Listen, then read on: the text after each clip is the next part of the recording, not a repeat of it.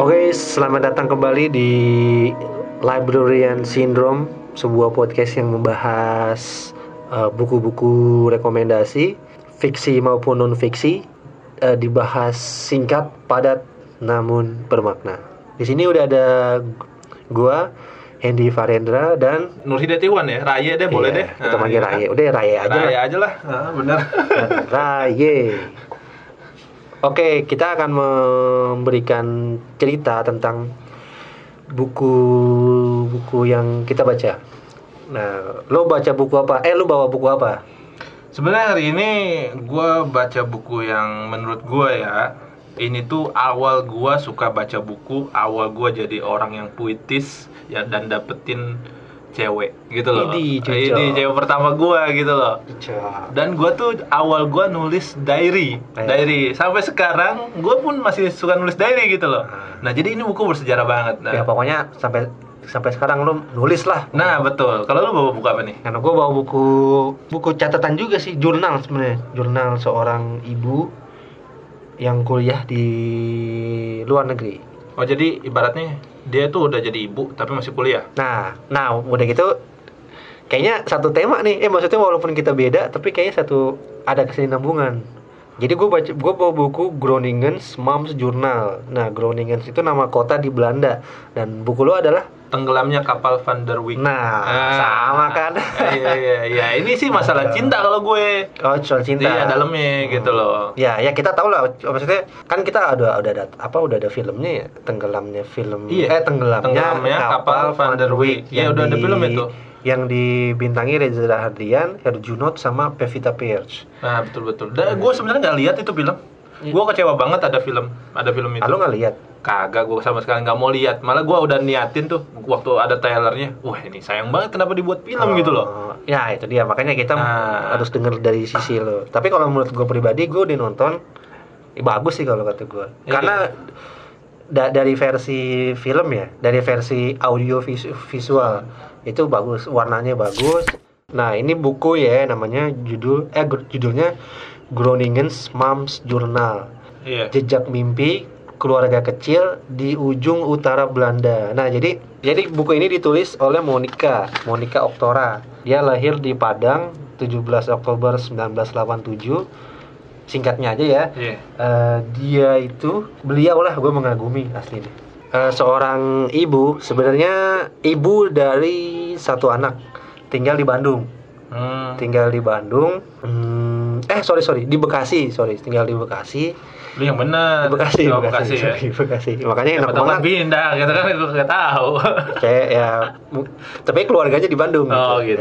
Ya. dia udah S1 nih S1 di bidang kalau nggak salah di bidang kesehatan kayak apoteker gitu apa sih farmasi Farmasi. ya. di farmasi. Nah, kebetulan suaminya yang mendorong beliau untuk ayo kuliah lagi ambil Hmm. S2, ambil S2. Cuman ya gue paham sih ya, karena gue udah berkeluarga. Namanya seorang ibu bukannya nggak mau untuk kerja lagi, bukan nggak mau untuk kuliah atau sekolah lagi, cuman pasti dia mikir gimana ntar anak gue masih apa. Ya, Gitu. Ya kayak gitu. beberapa anak deh. Ah, satu. Oh satu anak. Satu, anak satu. Waktu itu baru satu. Ya udah, habis itu eh, intinya dia eh, ngeplay coba eh, melalui beasiswa tentunya ya. Enaknya sih sekarang gitu ya. Maksudnya gua eh, ternyata tuh kalau mau nyari beasiswa tuh gampang ya. Di mana-mana ada ya. Iya tergantung sih sebenarnya. Gue kira tuh yang namanya beasiswa itu cuman orang-orang yang terpilih doang, yang pinter. Ya, lu pinter nggak? Enggak. Ya, lu nyadar diri lah. ya ternyata ternyata kalau kita mau nyari di web atau kita nyari di kampus tersebut itu tuh ada ternyata Iya, ya bener. udah. Yang swasta kan ada Ah. swasta, ada yang negeri kan Iya. gitu ya. Ya gue sih kalau menurut gue ya pengalaman gue tuh kok nyari-nyari beasiswa ya gue nggak terlalu pus, maksudnya ambil pusing lah ya gitu kan nggak kayak orang-orang yang akademisi banget lah Hmm. nyari beasiswa gitu. Sampai nyari yang yang LPD, LPDP gitu kan beasiswa ke Eropa ataupun ke mana dibiayai oleh pemerintah. Hmm. Tapi kan mereka harus ngabdi juga nantinya. Ah iya Gitu. betul. Ya akhirnya dia coba dari beberapa universitas di Belanda akhirnya dapat di Groningen. Groningen eh sorry Groningen. Nah, lu salah. Gua gua nggak tahu mana benernya gitu loh. Lu sendiri yang Cuman kita bahasa Indonesia kan saja dengan Groningen lah. Groningen itu mungkin menurut gua kalau kita ini di Indonesia ya mungkin Groningen itu mungkin ada mungkin ya mungkin Hmm. mungkin ada di ya di ujung di ujung negara ujungnya belah mana Di- mungkin kayak ada di mungkin di Oh, Bali yang sorry kayak sorry. pelosok gitu ya? Iya Ah, mungkin jadi bukan di pusatnya Belanda Ah, gitu ya? bukan bukan di kotanya seperti Ah. di Amsterdam. Ya gitu dah bukan di kota lah. Bukan Oh. di tempat yang padat dan modern.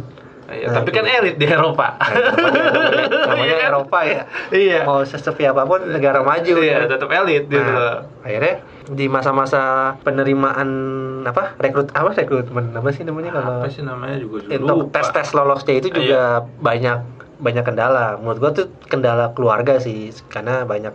Nanti anaknya sempat diurus sempat dititipin di di Bandung tetap dititipin ke orang tuanya untuk ngurus-ngurus segala macem. Tapi akhirnya eh, alhamdulillah berhasil lolos. Oh ya kenapa suaminya eh kenapa negara Belanda yang dipilih? Karena dulu suaminya pernah kuliah di situ. Hmm. Kalau nggak salah satu tahun doang. Kalau nggak salah gue lupa nih. Ada di sini pokoknya. Iya sih gue juga lupa. Lupa. Ah, ingat nih ah. yang gue ini tapi ya nah coba lah. karena karena suaminya Ma Prastio karena suaminya pernah kuliah di sana jadi direkomenin ke situ. Oh, Ah, gini. pokoknya ke Belanda deh. Suaminya pernah pernah di Belanda. di Belanda setahun doang gitu loh. Hmm, kuliah. Jadi rekomendasiin istrinya Ah, buat kuliah di sono. iya. Oh gitu gitu. Cuman iya. pas ngeplay kan ngeplay ke mana aja nih. Ah. keterimanya di Groningen ada satu dat waktu masih tes tes tersebut ada satu tuh yang menurut gua menyentuh sih. Jadi kayak akhirnya tes A B C itu udah lolos tinggal satu lagi tes terakhir wawancara gitu. Hmm. terus ditanya kan ada satu pertanyaan dan yang beliau tidak bisa menjawab. Nanti kalau kamu diterima terus anak kamu gimana? Nah. Nah itu sih berat ya. Buat seorang ibu kan Ah. ibaratnya ya. Nah, terus di buku tersebut dia dia menjelaskan bahwa dia tidak bisa menjawab cuma nangis. Dan itu udah hopeless.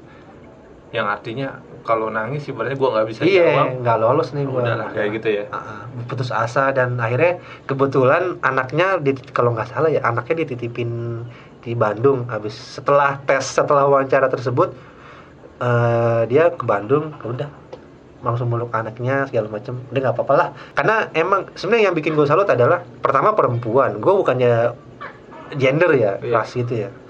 Perempuan udah punya udah nikah. Terus ngapain sih sekolah lagi? kuliah ya kan? Kuliah Iya, lagi gitu apalagi ya. udah punya apalagi udah dapat sarjana udah S1 gitu ngapain gitu. Nah dia juga mikirnya kayak gitu. Ya udah mendingan ya ngapain lah. Udah di sini aja lah sama keluarga. Eh nggak taunya pas di pengumuman lolos karena nangis itu bukan? Nggak tahu. Menyentuh bener ya. Mungkin karena karena keikhlasannya melepas mimpinya. Eh ternyata malah dapet. Nah di situ. Kan suaminya engineer di Indonesia. Posisinya udah bagus.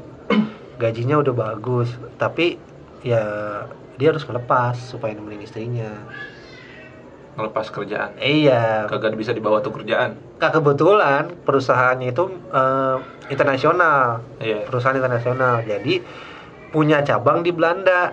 Nah akhirnya ya memang jalannya Tuhan Begitu ya. kali ya. Nah, akhirnya tapi kayaknya pas pas cabut juga untungnya mereka bisa jalan bertiga. Bisa langsung pindah bertiga sama anaknya. sama anaknya. Nah bisa akhirnya. Cuman pas awal-awal pindah beberapa bulan suaminya memang nggak kerja itu sih berat ya. Ah, yang ibaratnya gua tuh sering baca buku yang ibaratnya ya orang-orang yang apa tuh berhasil gitu ya. Dia sekolah di luar negeri nggak enak gitu. Dari sesuatu yang nggak enak. Yang mereka nggak kerja mereka harus kerja sampingan Nah, berapa belas jam Iya. gitu sambil kuliah. Tetap ya tetap nggak enak gitu loh. Walaupun memang negara itu memadai gitu. Iya betul. Bisa, tapi diurus-urus sih bisa akhirnya dengan berbagai sampai sampai turun jabatan. Kalau nggak salah. Jadi ada di sini nih. Tapi jabatannya agak ke bawah. Tapi bukan berarti ini ya. Jadi waktu itu emang kebetulan ada yang kosong itu jabatannya di bawah jabatan aslinya. Gitu. Tapi daripada nggak kerja nah dengan keikhlasan lagi kan, Ikhlas keikhlasan lagi. suaminya iya iya iya ya udah akhirnya ambil nah itu eh di sini ya dia ngebahas soal pertama dia nge-share tentang lu kalau mau kuliah ke luar negeri itu lu harus ke mana aja sih gitu oh harus Kedu- kedutaan maksudnya yang lu urus Iya. apa-apa-apa sampai ke kedutaan segala macem gitu terus Iya sih. sama udah sama selebihnya dia ngejelasin budaya Belanda Oh, ka- ini kali ya apa culture shock. culture shock Di sana gitu, kayak gimana ah, gitu. kalau kayak gitu kan tapi buku ini ditulis oh ya buku ini tuh tahun 2017 ini buku baru jarang-jarang gue beli buku baru Ya. biasanya beli buku Tapi bekas. sih kalau misalnya gue lihat buku ini ya di misalnya misalnya gue ke salah satu toko buku gitu ya. Gramedia Ah, misalnya bu sebut nama. Iya iya iya itulah. Nah kalau misalnya gue lihat pajangan gitu tuh, kayaknya gue nggak tahu. Maksudnya isinya tuh ah, judul sama isi yang lu ceritain kayak gitu tuh. Mm-mm. Jadi mungkin gue bisa jadi gue mengirangi kalau bisa gue beli buku nih. Kalau misalnya gue suka mengira-ngira kalau judulnya kayak gini, pasti dalam dalamnya kayak gini. Hmm. Gitu loh. Tapi kok Lu udah bisa ini- nebak. Iya, tapi kok ini Beda. dengan buku dengan judul yang kayak gini gitu. Oh, dalamnya tuh kayak gini gitu pengalaman-pengalaman dia gitu kan. Sebenarnya gue suka nih uh, alur-alur apa buku jenis kayak gini karena men- menginspirasi, Oh, ya kan? betul Terus ada pengalaman yang bisa kita ambil Mm-mm. juga gitu loh. Terus ada step-step yang buat misalnya lu misalnya abis fresh graduate sekarang mau nerusin case 2 Ke mana? Nah, mau ke mana Ya, gitu kan. nah. Sebenarnya kalau misalnya ruang lingkup lu mau ke luar negeri pasti umumnya sama sih hampir sama Iya, kayak gini ya. Mm, sistemnya sama Iya kayak gitu ya. Gitu. Boleh nih gue coba juga nih. Nah, dan selebihnya dia ngebahas tentang budaya di sana. Banyak sih budaya-budaya yang yang bagus sebenarnya kayak contoh budaya sepeda. Oh iya di sana Nah, sepeda ya. Di sini kan sepeda lagi rame-ramenya ya. Iya. Nah, yang karena nyolong sepeda corona. juga ada gitu kan. yang main corona. sepeda nyolong Nah. sepeda ada lah. Imbang Nah, gitu ya. Nah di sana itu sepeda udah dari zaman dulu, udah zaman dulu banget. Sepeda udah jadi transportasi wajib. Mungkin di sini motor kayak motor. Lu kalau nggak punya motor, ya lu mati. Iya benar sih. Mm, lu nggak bisa ke mana-mana. ya. Mm. Ngarepin naik mobil juga susah, macetnya minta ampun. Iya betul. Iya, Nah di iya, sana betul. sepeda gitu, se- sebuah ini yang wajib sih. Terus hebatnya, ini menurut gue ya, yang gue tahu aja nih, hebatnya orang-orang Eropa itu, dia tuh nggak gengsi, walaupun dia mereka walaupun mereka punya uang yang cukup, tapi kalau beli sesuatu, kalau masih bisa beli bekas dan bagus, mendingan beli itu. Nah, Hmm. mereka pun seperti itu nih keluarganya Monik. Jadi dia beli sepeda yang murah, sepeda-sepeda bekas ma- mana apa? Sepeda bekas mahasiswa yang udah lulus. Iya, Nah, dibeli dia gitu beli. ya. Nah, daripada beli Beli baru gitu kan. Mm-mm. Nah, kayak gitu. Berarti kalau di sana ya kredit ada kredit sepeda kali ya lima tahun gitu. motor kan kata lu kan sepeda sepeda di sana kayak motor di sini gitu.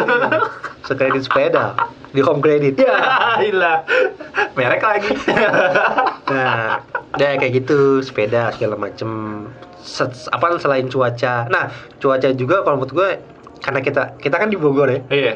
menurut gue ini hampir sama nih jadi itu cuaca di sana tuh nggak menentu tiba-tiba hujan tiba-tiba panas tiba-tiba hujan Tiba-tiba salju. Iya. Kagak juga ya.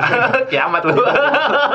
tiba-tiba panas pokoknya cuaca nggak menentu di sana Iya. terus mereka beli langsung beli outfit outfit apa kalau musim dingin juga langsung beli outfit outfit yang ini yang baju winter lah tapi beli balik apa belinya yang second iya sih ya. nah enaknya gitu demen gue nah habis itu sama budaya tepat waktu Ya itu sih jadi masalah Nah. umum rahasia umum orang Indonesia gitu ya. Nah, itu dia. Kalau kita kan kalau di sana budaya tepat waktu, di sini budaya ngaret. Kalau gua sih nggak termasuk. Percaya gua. Lah gua pernah lo jadi guru ya pengalaman nih ya. Lu eh, jadi guru nih dari rumah itu ke sekolah itu 30 kilo lu bayangin. Berarti bolak-balik 60 kilo tuh. Sejam setengah lah ada. Dan treknya itu trek hutan. Gitu loh. Yang pelosok lah gitu. Nah, gua tuh satu hari dibayar 35.000 ribu. Itu harus datang jam 8 gitu loh. Nah, datang jam 8. Kalau lewat dari jam 8, gua dipotong 20.000 ribu. Lah, 15 ribu dong. 15 ribu. Lu bensin berapa duit? Ya kan? Belum makan. Gue cuman bisa beli kopi yang 3 ribu ya kan? Sedangkan gajian 4 bulan sekali. Berapa? iya. Ya pokoknya sebulannya 700 lah gitu ya ya kalau bukan dihitung pengabdian sama rasa tanggung jawab di situ kan Nah, makanya gue makanya udah nggak mau ngaret-ngaret lah gitu Iya, loh benar-benar. Ya. Nah, ternyata di sana nah, ada yang beda ternyata ya. On time sama in time itu beda. Datang tepat waktu sama datang pada waktunya itu beda.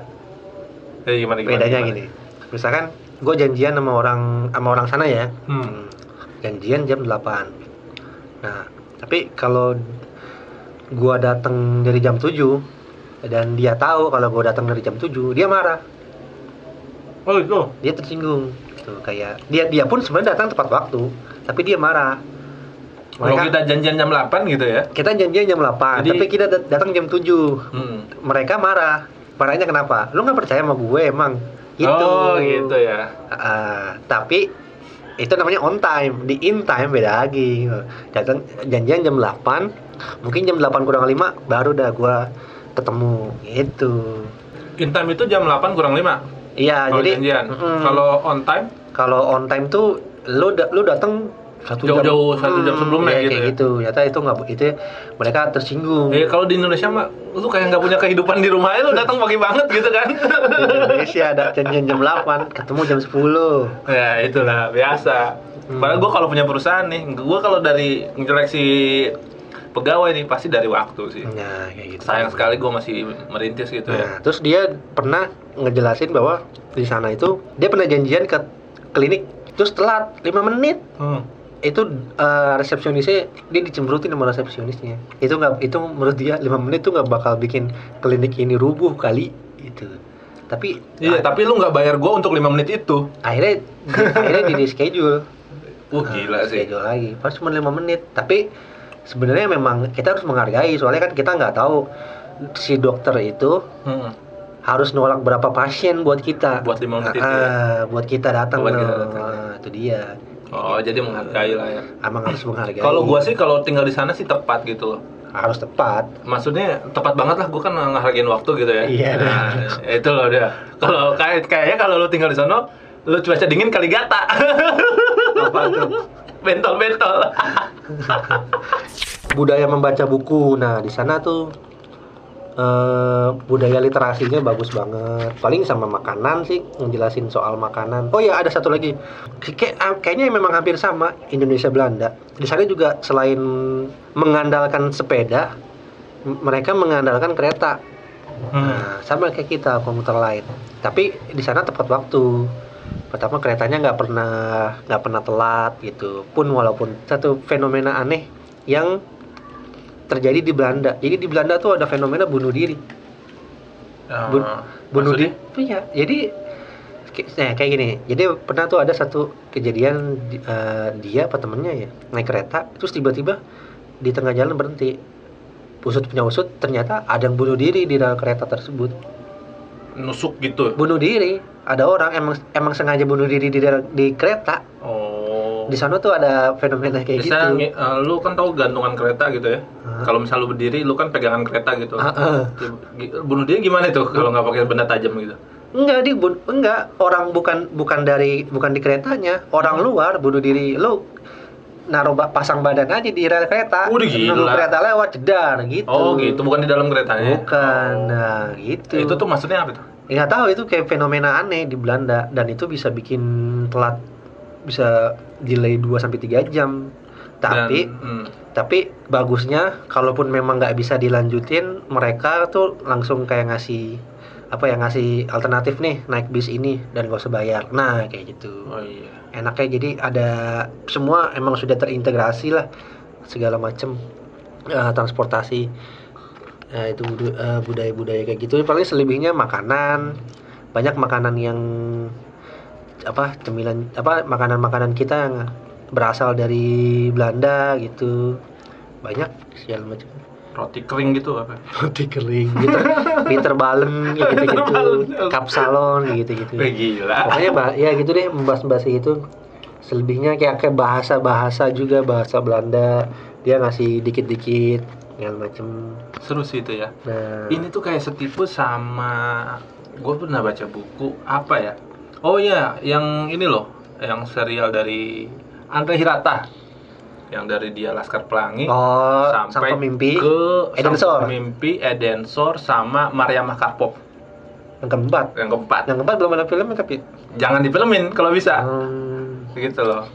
Oke. Jadi kalau film itu membatasi imajinasi seseorang. nah, tapi gue suka filmnya Nah, lu mah suka yang singkat-singkat Iya, sih. iya. Dua jam film. Itu buku itu bisa lu seminggu lah paling cepat lu baca gitu dan pikiran lu ke mana-mana gitu loh jangan sampai kalau kalau ada buku nih yang kita bisa baca jangan jadi kalau misalnya yang sendiri jangan misalnya nih gua kan masih sendiri nggak ada nggak ada kegiatan baca buku jangan sampai gua lihat HP gua lihat HP yang lain-lain gitu loh yang ada mengecewakan gitu ada Benar. sesuatu Jadi keganggu maksudnya. iya gitu loh Oke, nah sekarang eh, kalau dari buku yang lo bawa itu seperti apa? Silakan diceritakan. Iya, sebenarnya ini buku fiksi ya bang ya. Fiksi. Nah, fiksi nih. Nah, ini dikarang sama Hamka, Hamka? Hamka, Buya Hamka bukan? Buya Hamka. Hmm. Nah, Buya Hamka ini sebenarnya orang yang berpendidikan. Ah iyalah. Ah, iya, sebenarnya nggak pasti. nggak cuma apa tuh namanya nggak cuma Hamka itu ada apa tuh namanya ada sing itu kan singkatan ya Ah kelihatan. singkatan itu ini jadi buku yang diko, dikarang oleh sebenarnya ini sastrawan juga terus juga kalau bisa dibi, eh, dibilang kiai iya Iya, gitu. iya karena gue taunya, gue mengenalnya dari ah, sisi agama. Iya, pemuka agama Iya, dia. pemuka agama. Nah, gitulah ya.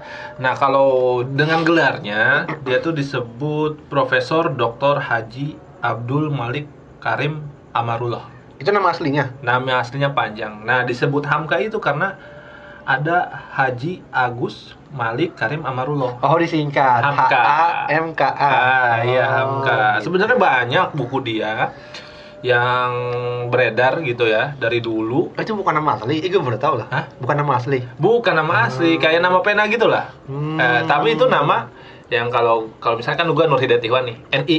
Jadi nggak padas juga ya. Iya. Ya kalau ini kan Haji Agus Malik Karim eh, Amarullah masih enak, Hamka gitu kan. Kayak gue merinding dengan. Iya.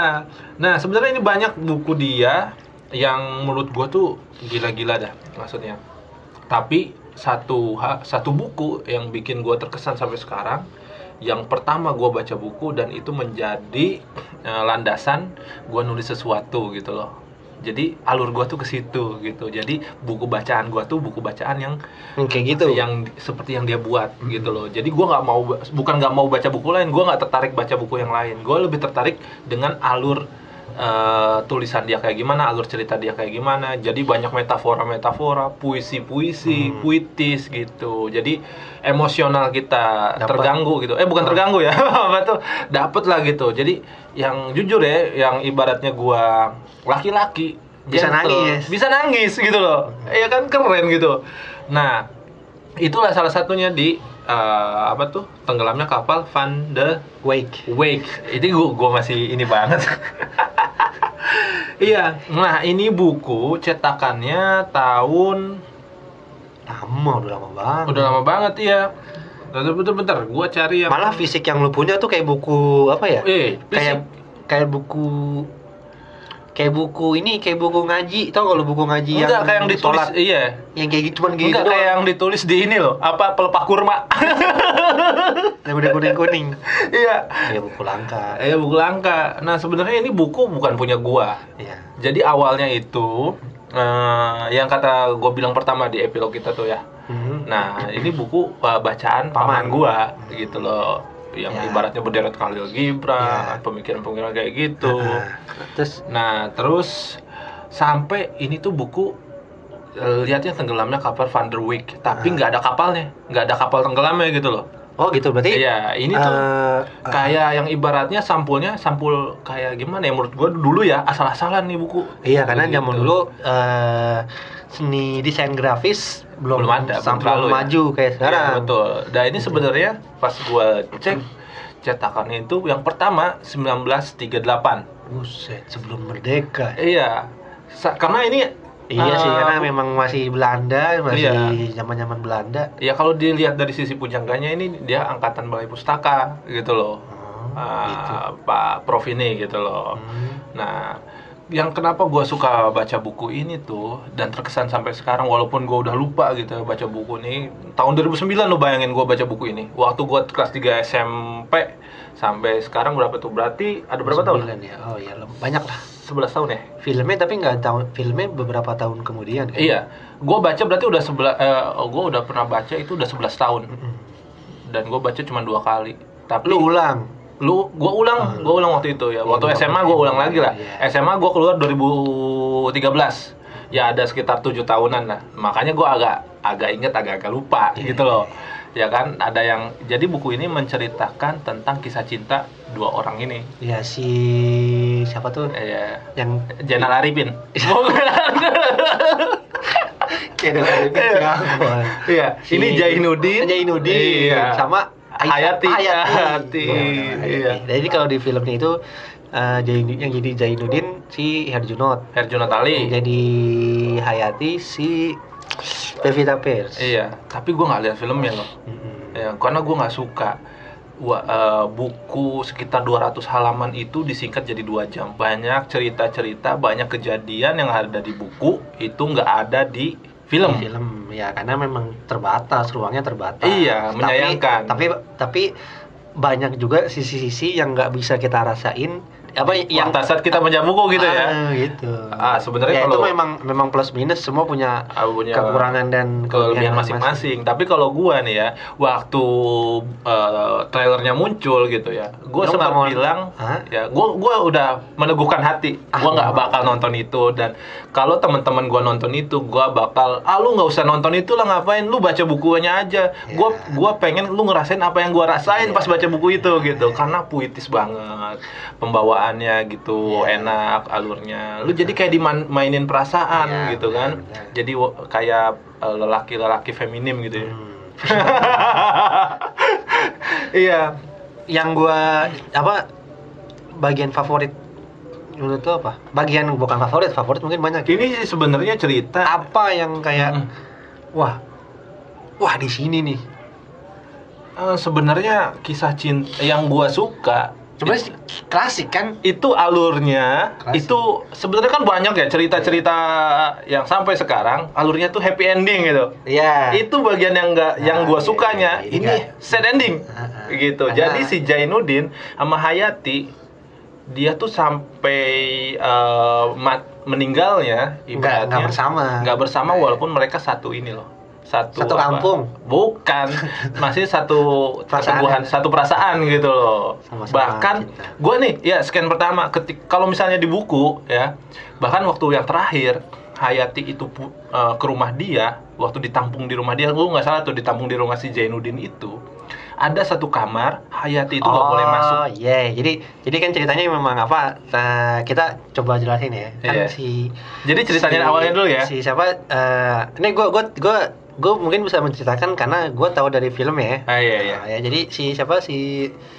kan tadinya kan satu kampung. Satu kampung, Si Hayati ya. sama itu ada di Sumatera lah gitu Jainuddin, ya Di, di Iya. ini Minang lah. Di Minang ya, di Minang, ya, benar. Nah, nah, habis itu eh, kan karena si karena apa sih yang yang bikin si keluarga Hayati nggak menerima itu? apa sih? sebenarnya itu ada karena dia orang luar ya. karena dia orang luar Beda-beda suku. beda, beda suku Beda karena suku. dia tuh campuran gitu Iya benar. ya campuran dan juga si Hayati ini mau dipinang gitu kayak semacam jodoh lah dulu ya Iya, dijodohin kalau dulu kan masih ini ya Nah, sama masih yang siapa? si Ajis Ajis. Ajis Ajis. itu diperankan oleh Reza Rahadian. iya kayak gitu Nah, stigma zaman dulu ya. iya Pertama udah dijodohin, terus yang mau dijodohin pilihan orang tuanya kaya. nah, Nah, itu itu, sebenarnya kan kalau anak zaman dulu yang penting gimana orang tua Iya. ibaratnya agama itu masih kental Kental, banget lah ya. gitu. Sebenarnya bukan Jainuddin itu agamanya nggak kuat. Iya gitu bagus ya bagus. Bagus, cuma dia tuh ada uh, scan di mana dia tuh merantau gitu loh. Sin ya? Scene. Ya, di mana dia tuh merantau gitu. Dan si Hayati ini uh, tinggal di rumah temennya. Jadi kak kayaknya adiknya si Ajis ini. Oh iya. Ya kayak gitu. Iya iya. Iya, gua gua masih lupa-lupa Iya, ingat iya, lah pokoknya gitu gitu ya. ya. Pokoknya di sampai suatu ketika si pokoknya sama-sama tahu kan ya sama-sama Iya. sama-sama pokoknya si Hayati sama si Jain si Jainuddin sama-sama udah lah suka dah gitu. Iya. Sama-sama sebenarnya eh, dia si Jainuddin mau mengawini si Hayati cuman Hmm. ditolak mentah-mentah karena beda suku Dia dan tuh nggak dia udah lah. dijodohin. Iya. Habis itu udah dah tuh akhirnya ditinggal, nggak ditinggal sih. Sebenarnya bukan bukan pilihan, bukan salah si Hayati juga Iya, kan, iya. ya kan? Karena ya udah dia ngikutin Iya. orang tuanya. yang Habis bikin ya gue ini ya gue kasih tahu kalau lu pengen misalnya lu baca itu itu kan di situ ada surat menyurat antara Iya. Hayati dan Zainuddin Iya, itu zaman dulu kayak gitu. Wah, dan itu- itu bahasanya cakep Wah banget. cakep banget dan nah Iya. kalau itu bisa kalau misalnya teman-teman nih kalau cari dah buku itu dari rekomendasi banget Eh, lu Tapi baca ada sih ya sekarang cetakannya Masih ada. Tapi isinya sama. sama Persis. sama sama persis Iya, iya kan nah lu baca surat menyurat antara Jainuddin dan Hayati gitu loh Hmm. jangan-jangan lu udah baca buku itu HP lu tinggalin lu surat-suratan sama pacar lu gitu loh Bisa jadi. puitis Ya, iya mungkin WhatsApp WhatsApp-nya gitu. iya Lah mana engkau mau makan gitu. Iya iya iya, iya. lah hanya ada Iya. batu di sini Iya bagus dah. Ah. iya kayak Ah, gitu cakep, cakep. Nah Iya, akhirnya kan Kan kisah mulai- cintanya tuh ya akhirnya si si Ajis apa akhirnya si Hayati nikah kan sama Ajis. Iya. Nah ternyata si Ajis itu emang orang kaya tapi yang jarang di rumah nggak tahu nih Nah, jarang di iya. rumah main judi. Iya, Bener kan? bener. Main judi main judinya judi pacuan kuda zaman dulu. Eh, iya, iya, Namanya orang kaya.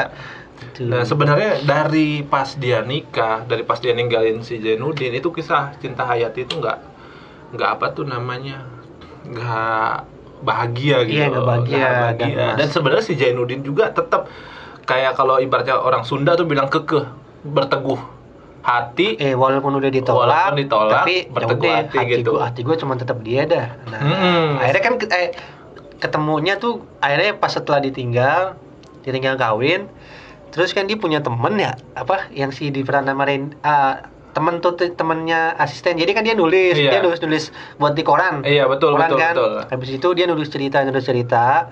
Nah lama-lama kan dia Jadi lama- terkenal ya, tuh, lama-lama ya terkenal, terkenal. terkenal. Hmm. Terus dia jadi orang kaya orang dan kaya. orang sekaya Ajis. Iya, sekaya Ajis. Ya kan? Akhirnya kan ngedengar si Hayati ini gimana ya kisah cintanya nggak tragis kisah cintanya Ah, tragis ah, gitu loh Eh ma- malah malah kis, eh, si yang ditulis oleh si Jainuddin itu kisah cintanya itu kan. iya kisah cintanya cuman itu cuman pakai nama Pakai orang nama lain. orang kan. lain gitu loh ya akhirnya kan eh, lihat tuh si apa Hayati itu ibaratnya kok kasihan gitu ya Tapi namanya Zainuddin. bukan Hai- tapi nama tapi si si Jainuddin kan ngeluarin buku. Mm-mm, namanya Ya kan? bukan namanya Zainuddin Bukan namanya Zainuddin, siapa namanya? Lupa gua. gue Ya, pokoknya namanya beda, Iya. makanya si Hayati kagak kagak apa itu ya? kagak nyadar Kagak nyadar situ. Heeh, nggak nyadar. Ah. dan sebenarnya nih yang scan gue paling eh Scene. scene ya kok gue bilangnya scan scene paling menyentuh gitu. Fotokopi, Iya. scan. walaupun gue nggak lihat filmnya Hmm. gitu loh bagian part itu di buku yang paling gue deg gitu ya oh kisah cinta nih sampai segini gitu loh ada laki-laki yang ibaratnya teguh gitu Nah, Eh, dengan pendiriannya mungkin itu cinta pertama gitu Iya. ya nah ketika Hayati tragis eh, apa tuh ke- dengan kehidupannya yang ada eh, dipanggil Hayati buat apa tuh eh, apa tuh ya udah tinggal aja di rumah gua Oh, iya. Nah, di, di rumah Zainuddin iya, itu gua jelasin nih. kan akhirnya eh, lama kelamaan si Ajis yang suka judi ya Iya. kan? Kan dia punya utang. Hmm. kayak pokoknya kalah judi dah punya utang. Terus gak punya duit kan bangkrut. Kayaknya tahu ya kayak si Ajis tahu ya kalau si si siapa si si Hayati itu kenal sama si itu ya. Eh enggak deh eh, gimana sih? Pokoknya pokoknya akhirnya akhirnya eh, dia minta minta min- mau minjem duit sama si Jainuddin si Ajis. Mau terus? minjem duit mau minjem niatnya mau minjem duit tapi malah ditawarin untuk tinggal di rumahnya yang gede banget Iya, iya. gitu iya si Hayatinya itu ya eh, mereka berdua sama Hmm. si Ajis juga kalau di scannya eh kalau di eh kayaknya iya kayaknya iya tapi Ajisnya harus pergi ke mana gitu Hmm. iya iya iya. Ajisnya harus pergi iya kalau Ah, ah. kalau gue ingat baca-baca si Hayatinya itu yang akhirnya tinggal iya akhirnya akhirnya Hayati sen- akhirnya Hayati sendiri di rumah si siapa si si si si si si Jainuddin. Jainuddin. Nah, tapi mereka itu ke- tinggal serumah, Ah. tapi memang kan beda ya. Maksudnya Nah, lu, iya. lu lu gua gua gitu nah, kan. bagusnya gitu mereka sama-sama bisa menjaga kehormatan keluarganya masing-masing. Iya, tapi eh, Walaupun- dalam satu perasaan yang sama Iya. gitu kan. Nah, si Zainuddin bilang bahwa lu boleh ke mana aja di dalam rumah. tapi jangan ke sebuah Tapi jangan ke, ke satu kamar ini satu dah. kamar ini. kayak kayak gitu. kayak ruang kerja deh. Iya. Kayak ruang Dipikir Hayati itu dengan Zainuddin udah kaya, udah banyak lah. Dia bisa bisa lupain si Hayati itu. Maksudnya Nah, ah, kayaknya masa lalu. Nah, ah kayaknya dia udah gak suka lagi sama gua mungkin kalau bahasa trennya sekarang gitu ya dia yang udah gak cinta lagi sama gua gua juga kan udah banyak nyakitin dia gitu nah pada suatu ketika nah dia tuh penasaran dengan kamar itu Zainuddin gak ada gitu loh Oh iya benar. Iya kan Tapi udah di, udah dilarang-larang sama asistennya Zainuddin. Asistennya. Asisten Zainuddin itu kalau di film diperanin sama Randy Niji. Oh, Randy yang Niji. main Keyboard. kita ya keyboard. nah udah kayak gitu dia buka lah ya kan Dibuka. dibuka ternyata dalamnya itu lukisan Hayati Oh iya ada lukisan. Oh, lukisan ada, Hayati. ada lukisan gede, Mm-mm. tapi ditutupin tirai. ditutupin tirai. kalau di sana Nah, di tirai. kalau di lu lihatnya di film apa di, Di buku? film.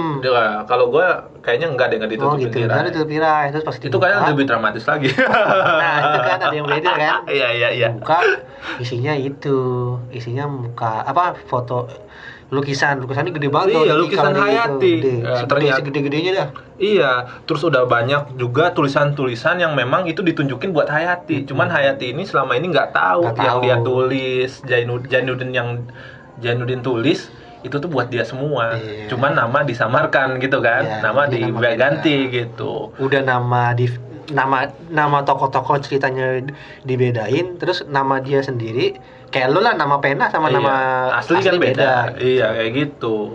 Nah, di situ Hayati kaget ya. Wah, ternyata masih nyimpen perasaan segitu kan ibaratnya apa pun tentang Hayati gitu loh di kamar itu, di satu Iya, kamar iya. itu.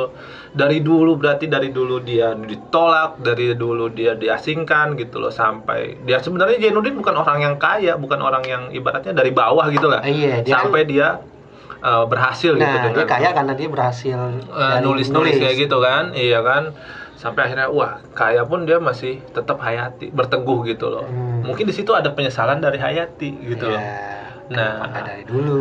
nah sampai di cerita apa tuh cerita judulnya tenggelamnya kapal Van der Wijk Wijk Eh, iya. Nah, Ah, ah, itu eh, tuh- eh, abis itu kan kayaknya dia harus pulang ya? Iya Si dia dia harus pulang harus ke, pulang. Ke Minang ke, Minang. desanya. iya. Nah nah kan harus eh si Ajis meninggal bukan meninggal gue lupa deh. Gua lupa, gua lupa. kayaknya Ajis meninggal kayaknya nih. Terus dia harus pulang ke Minang Hmm. ke kampungnya. Nah disuruh naik kapal. Kapalnya kapal Van der Wijk uh, scene atau dari part itu yang gue baca tuh ya nggak terlalu lama. Dia ti- dia tuh tinggal di mana? Di di rumah rumah Zainuddin. Zainuddin sampai dia tuh naik kapal itu nggak lama karena itu cerita yang memang singkat yang memang emosi kita dimainin di situ loh. Hmm. dari yang ibaratnya si Hayati tahu bahwa Zainuddin itu masih cinta mati sama dia. Dan si Zainuddin itu berpikir seneng banget ada Hayati di rumah dia gitu loh. Iya. ini lo dambaan gua dari dulu yang ibaratnya gua tuh nggak mau ke siapa-siapa yang apalagi dia walaupun dia udah punya suami gitu kan. Yang ibaratnya gua lukis lukisannya gua tatap tiap hari gitu loh ada di rumah gua sekarang gitu loh ya kan? Tapi karena ada sesuatu hal menyangkut di mana? Di eh, rumah di Di- Minang gitu ya Hayati desa. yang harus dia si Hayati itu pulang. Gue lupa ya kenapa dia harus pulang ya gue iya gue juga lupa. Nah dia naiklah kapal Wijk terus itu loh. tenggelam tapi lucunya di pas gue nggak nonton pas sampai situ. Kok ada lucunya? gua Lucunya lu nggak nonton iya, gitu? lucunya gue nggak nonton. Nah, di situ eh, tuh- nggak nggak nonton sampai habis maksudnya. Gue cuma ngeliat tenggelam di sini tuh, tapi habis itu udah gue gue juga nontonnya dari dari laptop. Iya, tapi si kalau nggak salah ya, yang bikin dramatis itu pas si Hayati ngelihat kamar itu penuh dengan dia gitu loh. Nah, si Jainuddin itu dia tahu tapi nggak belum sempet ngungkapin gitu loh ke si Hayati itu. Si Hayati itu keburu pulang dan tenggelam gitu loh. Jadi sesuatu apa ya cinta yang tidak tersampaikan sampai mati gitu loh. Nah, Gila lu? bener. Bahkan soundtracknya itu judulnya Cinta Mati yang dibawa Niji. Iya itu loh yang gue pikirin. Coba kalau misalnya apa tuh pem- pendengar ini udah teman-teman pendengar ini udah pernah lihat filmnya. Coba baca bukunya dah. rekomendasi baca bukunya. Ya. Karena di situ ada surat-surat Zainuddin ke Hayati, Hayati ke Zainuddin. Kalau menurut gua ya Bahasanya itu tinggi. indah banget. Iya, iya. Iya Iya, kan iya. indah banget. Kalau lu emang dari situ gua mulai puitis. Dari situ gua mulai lihat maksudnya apa tuh tulis-tulis puisi-puisi gitu loh. Dari situ juga dari gara-gara buku itu gue dapet cewek gitu loh. Kok lu puitis banget sih katanya. Buku lu juga keren gitu kan. Yang ibaratnya botak hitam gitu. Iya, iya. Oke, sekarang eh, bagaimana kesan pribadi kita masing-masing tentang buku ini? Mungkin kalian juga bisa bisa tahu sedikit karena kita juga udah cerita dikit-dikit sih tadi ya. Dikit-dikit aja. ha. Tadi kita udah ngebocorin dikit. Nah, buku ini kenapa di episode pertama gua memilih buku ini? Karena percaya atau nggak percaya, buku ini menyelamatkan hidup gua, Gimana? nyelamatin gua kan dari ke nggak stres sih, eh tapi dari kesedihan lah. Gua emang suka Belanda. Pernah tuh ada beberapa yang nanya, lu ngapain sih suka Belanda gini-gini? Ya sama kayak lu suka Iya Belanda main ngejajah kita gitu loh, suka mungkin- kayak gitu ya. Karena mungkin ke situ mikirnya. Oh. Gue jawabnya cuman gitu. Ya karena ya sama kayak lu suka Korea Koreaan, lu Oh, suka iya. Jepang Jepangan, lah Iya. gue Belanda. Cuma kan Belanda ngejajah. Nah, mindsetnya gitunya doang tuh. Nah, di sini gue mau ngejelasin bahwa sebenarnya kenapa gue cinta? Karena gue mau belajar, belajar sejarah. Karena sebenarnya yang gue tahu ya, yang gue Hmm. tahu nih, mohon maaf nih kalau salah. Karena Belanda pun nggak pernah apa ya, mereka malu kalau mereka diingatkan tentang masa-masa itu. Mereka tuh negara maju dan harusnya nggak nggak usah berbuat kayak gitu. Itu itu jadi aib. Jadi sebenarnya masa-masa itu juga aib buat kita, aib buat, Buat, untuk- mereka gitu ya. Iya, buat kedua negara. Oh, buat gitu. kedua negara gitu. Kitanya dihabisin, mereka juga lu ngapa? Dia, lu ngapain sih? Harus begitu gitu. Iya. Dan itu mereka nggak nggak- tidak membanggakan sama sekali. Mungkin sama kayak Jerman lah, Iya. tidak membanggakan. Nah, itu dia. Kalau orang harusnya lu jangan benci Jerman, tapi benci Nazinya. Oh, iya. Nah, lu jangan benci Belanda, tapi lu benci VOC-nya. VOC. Nah, itu kan nama perusahaan ya. Nah, company. Makanya orang-orang zaman dulu, eh ada company, company. Nah, gitu ya. boleh, boleh, boleh. Itu sedikit trivia. Nah, pokoknya gue suka deh karena kayak awalnya sih karena karena bahasa. Menurut gue bahasa Belanda itu ya karena nggak jauh-jauh dari bahasa Belanda itu bahasa tempo dulu. Tempo edo eloe, Nah, iya. ejaannya segala macem. Dari situ gue tertarik, baru gue belajar budaya dan sejarahnya.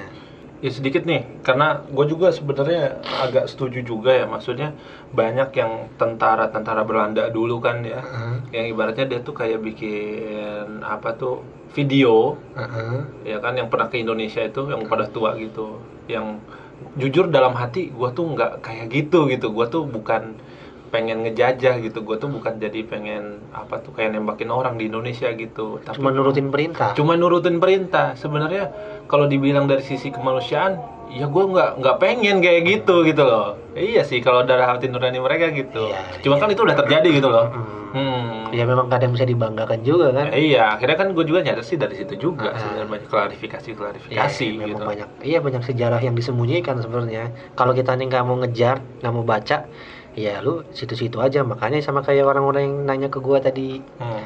kan Belanda gini-gini. Kalau lo perhatiin, harusnya Belanda lebih baik daripada Jepang. Menurut gue pribadi. Iya. Jepang ngapain sih? tapi kan muka lu kayak manga Jepang. kayak komik. Maksudnya ya Jepang mal Jepang yang lebih kejam, ngambil, cabut. Kalau Belanda jalan tol yang bikin siapa? Belanda. zaman Belanda Pintu air. Maksudnya Iya, banyak irigasi- irigasi banyak gitu iya, ya. banyak infrastruktur-infrastruktur yang dibuat oleh mereka. Walaupun tujuannya sebenarnya untuk memperlancar mereka gitu ya Ah, ah, memperlancar apa mengambil hasil eh, rempah-rempah kita. Nah, kayak intinya gitu deh. Tapi it's okay gitu gue udah gak mikirin. masih mending temen gue ya Terus eh, ya udah akhirnya gue suka ya sekedar suka lah lama-lama gue punya ambisi gue punya ambisi buat kuliah sebenarnya oh lu kuliah lu percaya nggak waktu pas kita bikin kedai kan lu ngasih ke gua buku Oh, gua dari embassy Belanda waktu Nah, itu. itu jadi- Ada pameran beasiswa loh. lu tuh ngasih jadi tuh lu ngasih eh, katalog universitas eh Twente Twente, iya Twente. Iya Nah, benar benar. Gue masih inget, gue masih inget. Nah, kata gue, gue harus ke sono nih, gue harus ke sono. Tapi eh, nggak nggak nggak ini nggak nggak ambisi sih maksudnya. Gue makin jadi makin suka gitu deh sana sana. Waktu itu gue mau nikah. Nih yang Oh, iya. mau gue cerita kenapa menyelamatkan hidup gue. Gue mau nikah. eh, di kita emang nggak pacaran. Sekarang jadi istri gue. Sekarang udah jadi istri gue. Oh nggak percaya anjir, lo tau lah. Haram. Ah, do amat. Nah, akhirnya kita nggak pacaran, tapi tahu sama-sama mau ke mana. Nah, ada satu kejadian yang gue sih nggak nyalahin ya. Jadi eh, tiba-tiba, ya mungkin karena gue juga punya kesalahan, ada hal-hal yang dia nggak suka. Terus ada momen di mana kayaknya mungkin ini pas nih kalau buat ngeudahin momen Hubungan. itu, mm, bukan ya momen itu ibunya meninggal, ibunya meninggal Iya.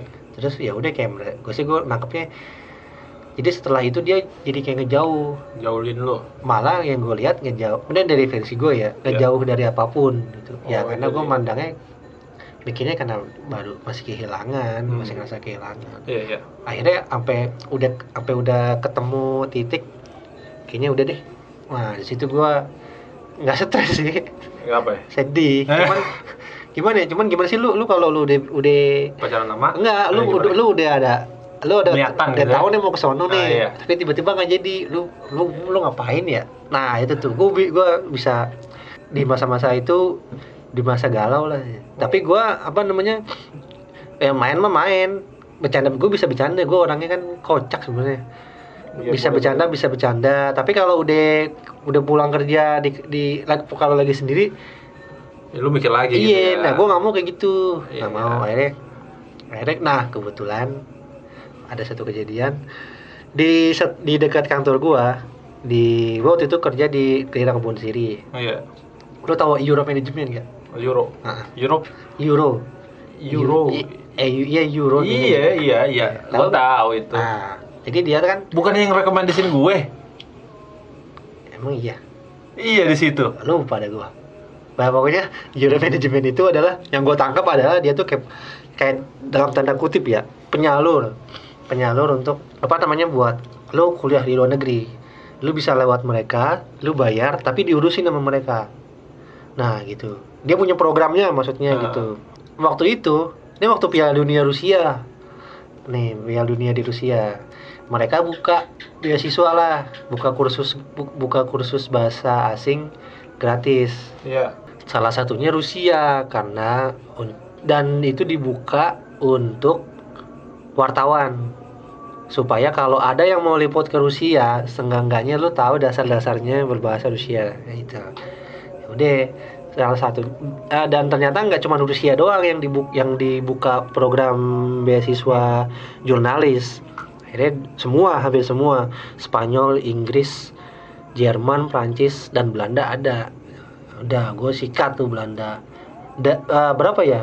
Dan yang bikin gue bangga adalah dari 10 mungkin ya dari 10 temen gue yang masuk bareng-bareng dan mungkin dua orang kali sisa yang ya tinggal ya apa gua doang yang milih Belanda dan gua kayaknya gue deh. Kayaknya gue doang yang nyelesain sampai habis dan dapat sertifikat. Itu berapa tahun? ini tiga bulan. Tiga bulan. ya? tiga bulan doang. Tiga bulan gratis. Nah jadi ya memang ngambil jamnya yang sabtu minggu gitu. Udah gue sikat. Akhirnya gue nanya dah tuh sama pengurusnya. Kira-kira waktu itu gue umurnya masih 25 kira-kira gue umur 25 mau ngambil S1 bi- mau ngambil kuliah bisa nggak telat nggak karena gue masih karena gue belum S1 gitu Hmm. telat nggak nih udah gitu ngapain harus ke luar negeri ya gue mikir gitu Iya sih. sementara gue udah dapat kerjaan yang waktu itu gue udah tiga tahunan di kantor udah passion lu lah. udah Oh. dapet lah maksudnya gue udah bisa makan terus kenapa gue sekarang bela kenapa gue sekarang belajar harus belajar gitu ya ya. gue gue ngapain bela ngapain gue belajar terus ke luar negeri eh, dan ngelepas kerjaan nah gitu. Cuman kalau menurut versi mereka sih ya nggak apa-apa. Emang nggak ada nggak ada yang telat kok katanya gitu. Oh, sih. cuman menurut gua kalau menurut gua sih telat gitu. Cuman kata mereka sih nggak apa-apa. Udah tuh gue bingung tuh. Gue mau ngurus nggak ya ngurus nggak ya. Kebetulan gua beberapa mi- kebetulan di bulan tersebut kalau nggak salah gua tanda tangan kontrak baru. Nah, ngerti gak? Ngerti gak maksud gua? Ngerti ngerti ngerti. Jadi kalau misalkan gua mau cabut, mendingan gua gua jadi pergi nih. Bisa nih ya. Nah, gua nggak usah nerusin kerjaan dan kan kalau di kalau di karyawan kan ada BPJS jam sostek. Oh iya. Nah, itu bisa gue cairin, bisa gue jadi pegangan di sono gitu. Hmm. Tapi gue masih bingung. Akhirnya di suatu hari gua main sama gue nganterin adik gua ke mall. Terus mampir ke toko buku. Ngeliat ini buku Groningen, Swamp Journal. Nah di situ gue kayak terus gue setelah gue baca gue jadi kayak punya passion. Wah anjing gue udah tahu nih gue ke mana nih. Gue kayaknya udah deh gue cabut nih ke ke Belanda Belanda deh gitu. Oh iya sih. ya gue cabut deh. Nah, jadi tuh ya makan- makanya kenapa buku ini kayak nyelamatin gue gitu. Kayak gue jadi ini eh, sumpah ini buku gue seminggu habis sama gue dan nggak pernah berhenti. Jadi itu di, di habis makan baca di kereta baca di warkop pun gue baca lagi makan mie ini sambil baca. Gila ini buku Serius, lu pernah ngerasain nggak? Kalau misalnya kalau kita udah em, suka satu buku gitu, nah buku itu belum habis gitu, kita masih penasaran. Dan ketika kalau misalnya kita udah baca pas baca buku itu, suasana di kiri kanan gitu, kita nggak ngirauin Iya, dan jam pun kok Iya. cepet banget gitu loh. Benar, ah. Gue pernah loh di satu gue baca buku Rindu karangan Terelie. Terelie, ya Terelie ya kan? Gue duduk di depan selasa kampus kan? Gue duduk gitu. Berisik. Dia berisik. Banyak orang bolak balik jalan. Ternyata gue udah 4 jam baca buku Buset. pernah gue kayak gitu. Gue nggak bohong gue pernah kayak gitu. Ya. Ya kayak gitu gitu loh ya emang begitu. Iya gila kata gue gue waktu itu baca jam 6 gue lagi nggak di rumah. Gue lagi itu lagi ada kerjaan. Kan gue kerja di salah satu eh sampingan. Salah satu vendor wedding. Nah gue ngedit segala macem. Nah di situ juga gue nggak pulang-pulang karena gue untuk jadi kesibukan lah biar gue gak kepikiran. Iya sih benar ya. Tapi gue capek sebenarnya kerja nggak pulang-pulang capek. Nah buku gue jadi wah anjing nih. Kayak energi baru nih gue jadi kayak punya mimpi lagi jadi ada tahu gue mau ke mana gitu. Terus ya udah akhirnya gue coba daftar tuh gue daftar. Lu pernah daftar? Daftar. Habis habis ini ya? Habis kursus itu lu daftar ya? Ah, daftar kayak ngasih tahu apa ini step-stepnya segala macem biayanya gitu segala macem. Gue nemu lagi satu youtuber gue nggak pernah sebenarnya gue anti bukan anti sih gue kayak gue nggak suka aja nonton nonton vlog gue nggak suka karena karena gue tahu karena gue orang produksi ya gue mampu mengedit sebuah video sebuah program dan gue tahu yang bagus kayak gimana vlog itu tuh jelek menurut gue hmm, hmm. Nah, jadi gue males. Iya, iya, It- iya. Tapi itu pikir itu pikiran yang salah menurut gue waktu itu. Waktu itu sih gue masih berpikir kayak gitu. Ah, tiba-tiba gue nemu satu vlog namanya Herdiansah Reza. Nah dia pindah ke Belanda. Dia tinggal di Belanda. Cuman dia kerja. Nah itu ya nih. Cuman dia dia kerja. Kalau mau nikah kan pindah. Tapi dia kuliah. iya Nah, dia pindah kerja. Nah, dan vlognya itu tuh bagus. Vlognya tuh bener-bener kayak kayak film. Lu dan di diwarnain maksudnya lu nontonnya tuh bukan nonton video biasa. Lu nonton videonya tuh kayak video movie. Kayak film film film Harry Potter warnanya. Oh, Cakep iya. banget. Sinematik gitu ya? Sinematik ya, ke iya. sinematik. Bahkan dia bu basicnya tuh dokter, bukan editor bukan dia bukan orang produksi kayak gue gitu Iya. itu gue respect seribu respect nah di situ jadi dua orang itu sebenarnya yang bikin gue oke gue udah tau mau ke mana gue kuliah gue dibilang sama bokap gue oke kuliah aja deh eh katanya lu malah merit iya Iya. katanya eh ternyata ada ternyata nih masih bisa dilanjutin nih Hmm. nah duit udah kepake Iya. gue bingung Iya, penyesalan ya. nggak nggak nyesel juga sih akhirnya tapi seenggaknya kan semangat lu ada lu di situ waktu Nah, gue bingung gue milih mana. Gue sampai akhirnya di waktu itu kayak ngasih bukan ngasih ultimatum sih ngasih pilihan. Ini kalau nggak jadi, mendingan bilang nggak jadi. Kalau kalau nggak, gue nggak gue berhenti dari kerja, gue cabut ke sono gitu. Hmm. Kalau nggak, ya udah gue stay di kantor. Oh, iya. Karena itu buat buat ntar biaya after nikah. Gitu. Akhirnya ya udah mau, terus rezeki, udah. Eh, Nah makanya buku ya buku ini nyelamatin gue jauh tuh.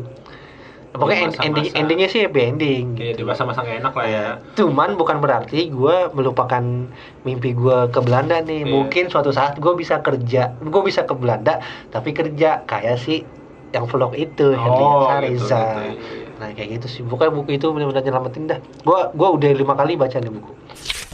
Kes, nah kesan lo sendiri buku itu buat lo selain yang tadi kayak lo bisa nulis itu apa? kesan gua ya ketika gua baca buku itu Hmm. jadi hidup itu ketik jadi ibaratnya gini ya ada bisa jadi apa tuh namanya dramatis gitu loh jadi setiap kejadian itu bermakna Hmm. iya Jadi lebih peka sih. jadi lebih peka kadang kita kadang orang-orang sekarang gitu ya gua menyayangkan sas nggak ada pelajaran sastra gitu. Artinya sastra bukan yang sastra banget gitu ya. Dari bahan bacaan yang bernilai sastra ada sastra sedikit gitu. Jadi orang itu bisa lebih peka terhadap lingkungan lebih terhad lebih peka terhadap seseorang yang dia jumpai gitu loh. Ini orang kenapa? Kalau misalnya lagi emosi lu tuh harus bagaimana sih gitu loh. Lu jangan emosi lu tampar emosi lagi wah kejam gitu loh. Mungkin lebih tepatnya lebih iya lebih jadi lebih perasa tapi nggak baper. Ta- Iya, bener. Sampai sekarang gue bukan bukan orang yang baperan loh. Gitu mau bercanda apa pun gitu ya, sama gue tuh nggak pernah yang namanya baperan. Gue tahu posisi lu ketika lu bercandanya kayak gitu, kayak gimana sih Nah, gitu. iya, Perasaan karena, lu kayak karena, gitu. Karena kita perasa, jadi kita bisa bisa ngerasain ini anak serius apa enggak. Iya, kadang-kadang ya kita memang lagi susah, tapi ngelihat orang lebih susah, kita jadi ibaratnya gimana? Gue jadi dia ya. gitu Nah, loh. cakep. Jadi rasa bersyukur gitu yang ada tuh, walaupun memang kita lagi di bawah. Setuju gue. itu loh 100%, ya. itu sastra itu wah gila kata gue bermanfaat banget lah gitu kadang kan sekarang eh, ego kita yang main rata-rata gitu kalau misalnya mm, ngelihat seseorang gitu ya kita harus pengen di atas terus gitu ya tapi gimana kita jadi dia gitu kadang-kadang eh, apa tuh ibaratnya Ya, ya, walaupun kita susah kita masih bisa bantu orang itu Iya, loh. Iya, benar. gitu loh Iya, iya. jadi Kayak- ke kehidupan sih sastra Iya, itu Iya, ya. benar. Benar-benar. Jadi- gue bingung mau gue setuju tapi gue bingung gimana cara ngejelasinnya. ibaratnya gini loh kalau misalnya gue baca buku itu daun jatuh aja bisa jadi apa ya jadi dramatis Ya, jadi daun yang jatuh dari pohon itu jadi dramatis loh gitu Kan kayak ada ungkapan nih daun ini jatuh bukan tanpa alasan. Oh, ya gila gila siapa gila siapa tahu uh, daun ini uh, kering karena kit- karena jarang diperhatikan manusia dan, ki- Iya. dan kita jadi oh iya emang waktu kayak kita emang harus lebih memperhatikan nah karena perasa karena memiliki karena memiliki sifat perasa itu jadi kita kayak gitu jadi Iya. jadi lebih peka oh iya benar ini pohon ini udah udah tua nih jadi lebih kita rawat aja deh nah kayak gitu Iya, jadi- jadi nggak cuman ah ini nyampah nih pohon gitu iya jadi banyak sebenarnya banyak hal-hal positif ketika Iya. orang itu orang yang kita harapin gitu misalnya lu nggak balas wa nggak balas apa mungkin Eits, kadang-kadang kan kita Ya. mikirnya negatif Yes, ya juga. mungkin kalau misalnya ada Ah, orang itu jam ah. segini itu sibuk jam Ah, segini ah. jadi ada namanya apa ya, riset pribadi gitu ya Ah, ketika orang ya. tersebut gitu loh keren itu benar benar benar iya ya jadi gue setuju setiap gerakan ada debu di lantai gitu loh kerasa gitu loh. Jadi gimana ya? Kayak punya indera ke 10 Iya, jadi lebih peka dah. Iya keren keren keren menurut gue gitu. Jadi eh, buku tersebut yang membawa sastra ke lo ya?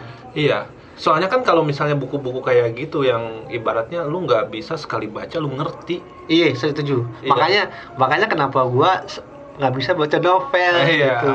Itu loh. Jadi kalau misalnya kelihatan eh, jadi ada sisi lain yang memang kita bisa tahu gitu ya. Kita bisa orang lain nggak tahu kita tahu gitu.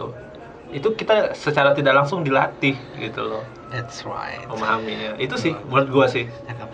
ada lagi Kayaknya itu doang sih. ada dua ya Iya, itu keren sih lu. eh, kalian juga harus baca nih teman-teman semua. gue juga deh kayak gue bakal kayak gue kalau bisa kan nyari nah ini kan jadi apa ya nah gue aja nih sebagai lawan sebagai kawan bicara lu gue udah punya apa ya gue ngerasa gue harus baca apa yang lu baca Iya, sama. gue jadi kayak sama. ngerasa apa namanya terpanggil kayak ngerasa terinspirasi lah Iya. gitu asli nih Dan buku lu ini kadang-kadang ya ibaratnya yang genre-genre kayak gini kan pengalaman hidup. ah Kita jatuh baca ini itu semangat kita ada lagi loh. nah Serius loh. iya. Jadi mimpi-mimpi kita yang udah kita lupain. Pernah gua ibaratnya ah gua jadi guru, gua jadi sales. Sales nggak mungkin ibaratnya gua harus fokus sama jualan.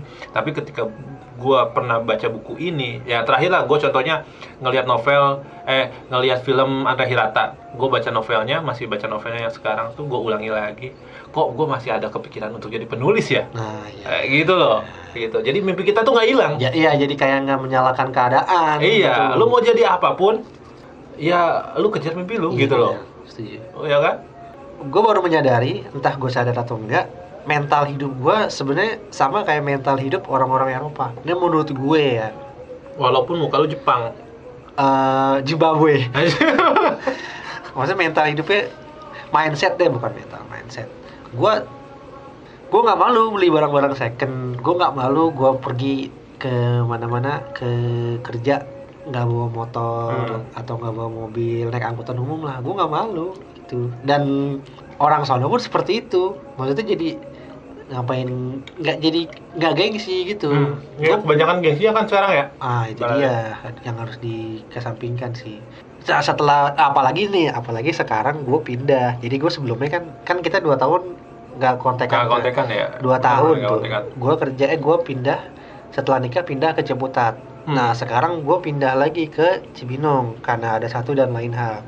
Nah sebelum gue pindah asli gue kayak gue pengen gue kayaknya harus memperdalam keikhlasan gue apa ya mem- mempersiapkan mental gue dengan baca buku ini dan iya gue jadi kayak di sono aja tuh contoh lah mereka nih keluarga mereka mereka kan kerja jadi nggak cengeng gitu kerja di kota kerja di kota Hmm. tapi tinggalnya di pinggiran kota di yang agak pinggiran jauhan ya gitu mungkin ya. ya mungkin kayak lu kerja di Jakarta lu kerja atau kuliah di Jakarta tapi rumah lu tuh di Cikarang misalnya Oh, jauh banget ya. nah cuman kan mereka bisa enjoy Oh iya, nikmatin gitu nah kan. kayak gue jadi kayak gitu nah sekarang ini buku ini nih dia lagi dibaca sama istri gue karena gue pengen bukan pengen apa ya kayak cuman pengen ini ini bagus. Kamu baca ini karena kamu sama-sama perempuan. Itu kamu pasti jadi lebih kuat. Nah sekarang lagi dibaca sih. Udah udah keberapa tuh? Ya kira-kira segini dulu kali ya. Oh iya, ya benar. Uh, benar. episode episode apa? Soal buku pembahasan buku pertama kita berdua gitu Iya, kan sebenarnya juga gue tuh belum terlalu nyiapin gitu loh. Mm-mm, Gue belum tuh nyiapin buku yang sebenarnya buku lama, tapi yang selalu gue inget di dalam pikiran gue tuh ini gitu. Mm-mm. Jadi memang ada beber- ada beberapa yang gue lupa lah gitu ya, dan eh, kalian juga bisa cek sendirilah gitu ya. Karena kan kita ringan-ringan aja bahas Iya, bukunya gitu loh. kita nggak ngebedah kan Kita nggak ngebedah buku tadi lah. aja kita bahas film apa bahas buku Van der Weyck aja lupa ini dia dia begini tapi gimana ya gimana kita masih ya? lupa Iya, kalau garis besarnya sih gue tahu, Iya. kita tahu gitu ya. Sebenarnya kalau niat kita kan ya ringan-ringan aja lah. Kalau memang kita berat, kita bikin seminar, beda buku. ya tem- ya ngobrol aja lah gitu. Iya, ngobrol. berat-berat gitu ya mudah-mudahan ada manfaatnya ya betul. Terus kira-kira kalau mau cari kayaknya buku yang kita bahas ini ada masih bisa didapat ini. Masih. Ini kalau ini Groningen Moms Journal ini itu keluaran Alex Media Komputindo bisa beli di mana? Gramet. Gue dapetnya di Gramet dan gue ngikutin sosmednya si Monica Oktora ini. Nah dia lagi proses buku kedua. Nah gue nungguin banget Iya, tuh. kalau- Dan kalau buku lo Kalau buku gua sih kayaknya ya. masih ada juga di Gramet. Kalau cetakan-cetakan lama yang Nggak bukunya nggak bakal ada. Ya itu kan sebenarnya itu koleksi kolek kolektor Iya, doang yang punya ya. betul, betul. Nah, well, Tapi- pasti ada di Gramedia yang sekarang-sekarang Oh, sehabis film itu loh. Iya, jadi covernya Iya. cover film. ya? cover film ya Ya. gitu Ya. loh tapi alangkah lebih bagusnya kalian nyari yang bener-bener yang lamanya gitu ada kepuasan sen- tersendiri gitu loh Hmm. Ya Ya. mungkin kalau nggak kalau nggak bisa beli, mungkin bisa ke perpus kali ya. iya bisa ke perpus nah, bisa di perpus tuh buku-buku lama adanya iya iya benar benar benar benar Baca. Eh, next project eh next episode lo mau bawa buku apa? Udah ada bocoran nggak? ntar aja deh gue aja bocorin di Instagram Oke. Ya, boleh. Instagram nanti nanti juga kita mau nanti juga kita mau nampilin di bisa cek di Instagram kita mau nampilin ini buku yang kita baca tuh kayak gini bentuknya. oh iya Tuh, boleh boleh boleh Isinya boleh. kayak gitu. iya siap siap gue cari dah buku Ya kalau nggak ya kalau lo nggak dapet ah, ya yang di Google aja. di Google aja ya karena ada sih. gimana tadi gitu ya. covernya ada di Google nanti Iya. kita coba tampilin di Instagram kalau Oh. gue mudah-mudahan eh, buku berikutnya bisa bahas tentang ini nih hidup minimalis ala orang Jepang ah mudah-mudahan gue belum kepikiran Eh, Ya. hidup minimalis tapi sih ada buku yang selenting-selentingan kepikiran nah, ntar gua gua cari Iya. yang baik-baik gitu ya mudah-mudahan di next break eh, next buku kita bisa bisa berbicara maksudnya bisa lebih baik lah reviewnya dibanding episode sekarang ini. Nah oke. Ya. Gua setuju gua setuju. Dan dengan alat yang lebih proper lah. Iya iya iya. Mudah-mudahan. Oke? Oke, Mungkin siap. sampai berjumpa di pertemuan berikutnya. Oke